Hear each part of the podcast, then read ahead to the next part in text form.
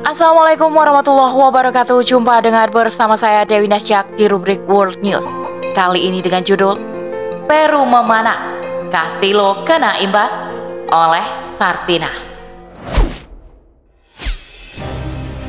Korupsi ibarat wabah penyakit yang menjerat siapa pun tanpa pandang bulu. Tidak hanya menjerat satu negara Namun telah mengular ke semua sudut-sudut bumi tak terkecuali Peru. Selengkapnya Tetap di podcast Narasi Pos Media. Narasi Pos, cerdas dalam literasi media, bijak menangkap peristiwa kunci. Kekuasaan dan korupsi ibarat dua sisi mata uang. Keduanya saling melengkapi di setiap waktu dan tempat, mengiringi perjalanan demokrasi. Mirisnya, korupsi telah menjadi harga mati yang nyaris pasti terjadi di setiap rezim. Bahkan, wabah korupsi tidak hanya menggerogoti negeri ini, namun telah menjalar ke seluruh dunia dengan berbagai modus dan kreativitasnya. Salah satu negara yang sedang memanas karena protes dari rakyatnya adalah Republik Peru. Ribuan rakyat Peru turun ke jalan pada Sabtu 6 November sambil membawa bendera merah putih merah dengan garis vertikal negara Andes beserta atribut-atribut yang berisi slogan anti pemerintah. Mereka melakukan long march menuju ibu kota Lima Salah satu tuntutan rakyat adalah mendesak Presiden Pedro Castillo mundur dari jabatannya. Aksi protes tak hanya terjadi di ibu kota Lima, namun terus mengular ke beberapa kota lain seperti Arquepa, Hikelio, Casco, dan Trujillo. Selain protes atas isu korupsi sang presiden, demonstrasi juga dilakukan lantaran rakyat sudah tidak tahan lagi dengan kondisi perekonomian negara. Diketahui, Peru saat ini juga menghadapi sejumlah masalah ekonomi dan lonjakan biaya hidup. Hal tersebut menjadi pemicu melonjaknya kemiskinan sebagai imbas pandemi COVID-19. Lantas, siapa sejatinya Pedro Castillo hingga sukses melenggang sebagai presiden? Korupsi apa yang membeli sang presiden hingga diprotes rakyatnya? Adakah solusi hakiki untuk memutus korupsi hingga ke akarnya? Pedro Castillo sempat menggemparkan elit politik dan bisnis di negara yang sangat terpolarisasi tersebut. Lahir di sebuah desa kecil di salah satu daerah termiskin di Peru, Pedro Castillo awalnya menjalani profesi sebagai guru selama 25 tahun dan memimpin serikat pekerja. Castillo hampir tidak dikenal ketika dia meraih kemenangan mengejutkan di putaran pertama dan kedua pada pemilihan presiden 28 Juli 2021 lalu. Sayangnya, kandidat favorit di antara para pemimpin bisnis, yakni Keiko Fujimori, membantah hasil perhitungan suara pada putaran kedua. Keiko merupakan putri mantan diktator Peru, Alberto Fujimori. Walhasil, butuh waktu hingga enam minggu sebelum akhirnya Badan Pemilihan Tertinggi JNE menyatakan Pedro Castillo sebagai pemenang pemilu. Satu hal yang tidak biasa, Castillo adalah presiden pertama dalam sejarah modern Peru yang tidak memiliki hubungan dengan elit pemerintahan, baik profesional, militer, maupun ekonomi. Pedro Castillo merupakan presiden dari Partai Marxist-Lenisis Peru Libre. Dia berhasil memantik simpati banyak orang karena sudah muak dengan korupsi yang membayangi politik negara itu selama bertahun-tahun. Dalam slogan kampanyenya, yakni tidak ada orang miskin di negara kaya. Castillo menargetkan kesetaraan.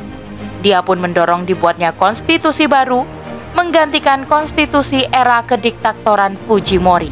Itu adalah prioritas dari partai sayap kiri.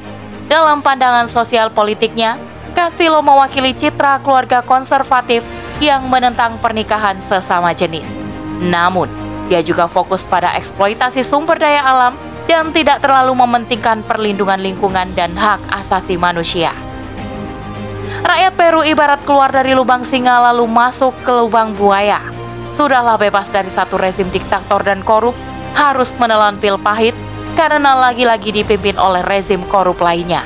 Castillo yang baru setahun menikmati kekuasaan, kini dikepung persoalan korupsi. Tak tanggung-tanggung, Castillo harus menghadapi penyelidikan enam kasus korupsi sekaligus dan digugat atas plagiat tesis masternya. Selain itu, dia juga diduga menghalangi keadilan terkait pemecatannya terhadap mantan Menteri Dalam Negeri Peru, yakni Mariano Gonzalez. Mariano, yang baru dua pekan menjabat, dipecat karena mengizinkan pembentukan unit khusus kepolisian untuk menelusuri dan menangkap para sekutu presiden yang diduga melakukan kejahatan. Meski dikepung skandal, Castillo membantah telah melakukan korupsi. Dia bahkan telah dua kali selamat dari upaya pemaksulan.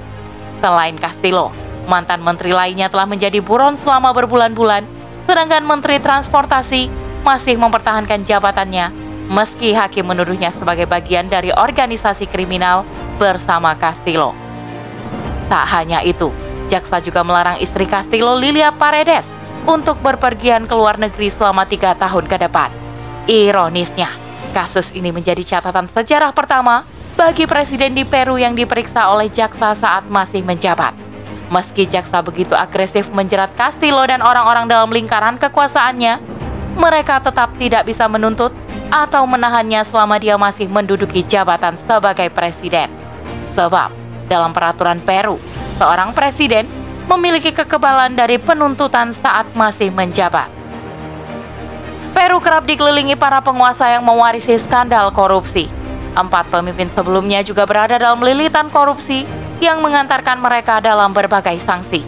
Ada yang masuk penjara, berada dalam tahanan rumah, maupun harus menghadapi dakwaan yang berpotensi memasukkan mereka ke penjara di masa depan. Salah satunya adalah mantan Presiden Alberto Fujimori yang difonis 25 tahun penjara atas tuduhan penggelapan uang pemerintah, penyalahgunaan kekuasaan, serta pelanggaran hak asasi manusia. Korupsi ibarat wabah penyakit yang menjerat siapa pun tanpa pandang bulu.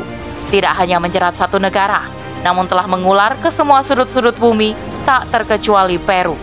Aksi protes menuntut mundurnya Presiden Pedro Castillo yang menyebar di beberapa kota di Peru sejatinya bukanlah solusi memberantas korupsi. Kendati pun Castillo dilengserkan karena korupsi, niscaya akan muncul rezim lainnya yang tetap berpotensi korup. Fakta ini juga terjadi di Republik Peru yang beberapa penguasanya terjerat korupsi. Secara spesifik, setidaknya ada tiga faktor yang menyebabkan terjadinya korupsi. Pertama, faktor individu. Tak bisa dimungkiri jika ada individu-individu yang memang bermental korup dalam setiap masa, namun, jika hanya individu yang korupsi, dia tidak akan mampu menghadapi kelompok yang bersih. Jika tetap nekat melakukan korupsi, dia akan mudah dihukum dan disingkirkan. Kedua, faktor masyarakat atau lingkungan kerjanya. Jika masyarakat atau lingkungan kerjanya buruk, maka bukan tidak mungkin seseorang akan terpengaruh menjadi buruk dan melakukan korupsi. Betapa banyak orang yang awalnya bersih dan tak suka korupsi, kemudian menjadi buruk karena berada di lingkungan yang buruk pula. Ketiga, sistem yang diterapkan menunjang korupsi. Sistem inilah yang membentuk budaya individu dan masyarakat atau lingkungan kerja.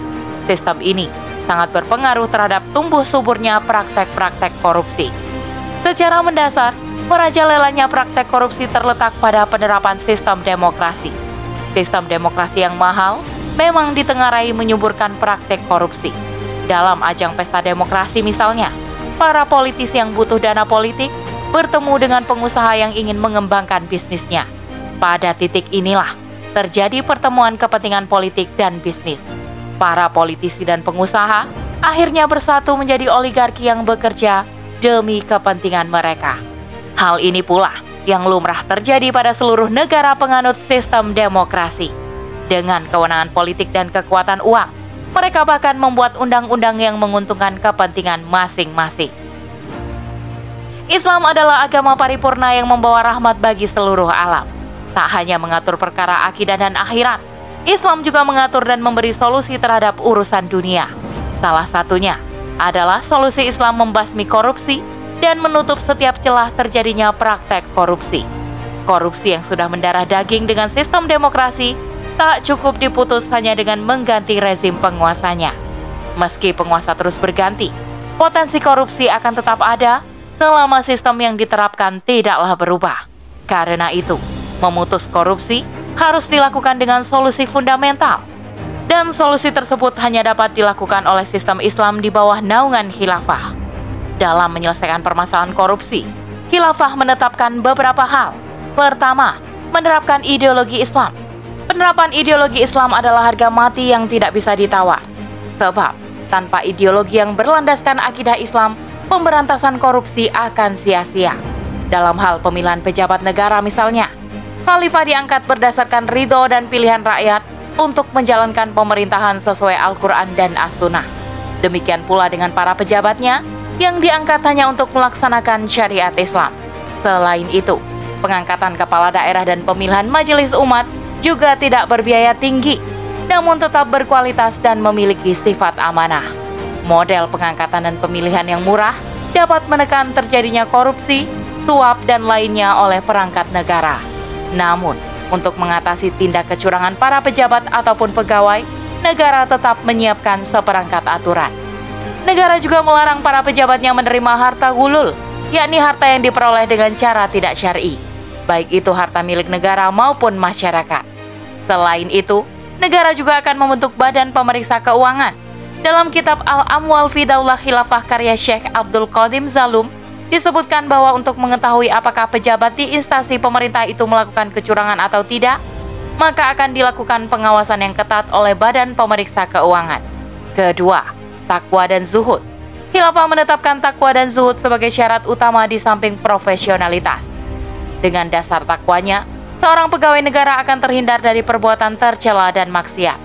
Di samping itu, Keimanan seorang pejabat yang kokoh akan membuatnya selalu merasa diawasi Allah Subhanahu wa taala dalam melaksanakan tugasnya. Allah Subhanahu wa taala berfirman dalam surah Al-Fajr ayat 14 yang artinya, "Sungguh Tuhanmu benar-benar mengawasi." Ketiga, penerapan politik riayah. Negara menerapkan politik riayah yang bertujuan mengurusi rakyat dengan maksimal dan sepenuh jiwa. Ketundukan seorang penguasa hanya ditujukan kepada Allah semata bukan pada kepentingan oligarki dan para elit.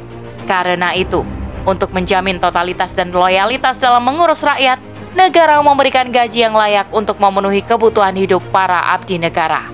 Pemberian gaji tersebut sangat cukup untuk memenuhi kebutuhan primer, sekunder, bahkan tersier. Selain itu, khilafah juga menerapkan politik ekonomi Islam yang menjamin terpenuhnya kebutuhan individu masyarakat secara murah. Sedangkan untuk kebutuhan kolektif seperti pendidikan, kesehatan, keamanan, jalan, dan birokrasi akan diberikan secara gratis oleh negara. Keempat, pemberian saksi tegas dan efek jerah.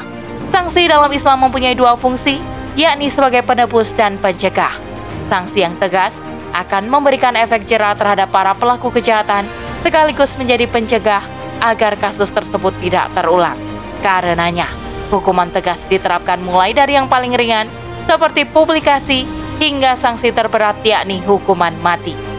Korupsi dalam sistem demokrasi makin masif, terstruktur, beragam, brutal, bahkan tak terkendali. Penyakit bawaan sistem tersebut hanya bisa dituntaskan jika Islam dijadikan sebagai dasar dalam menyelesaikan persoalan korupsi.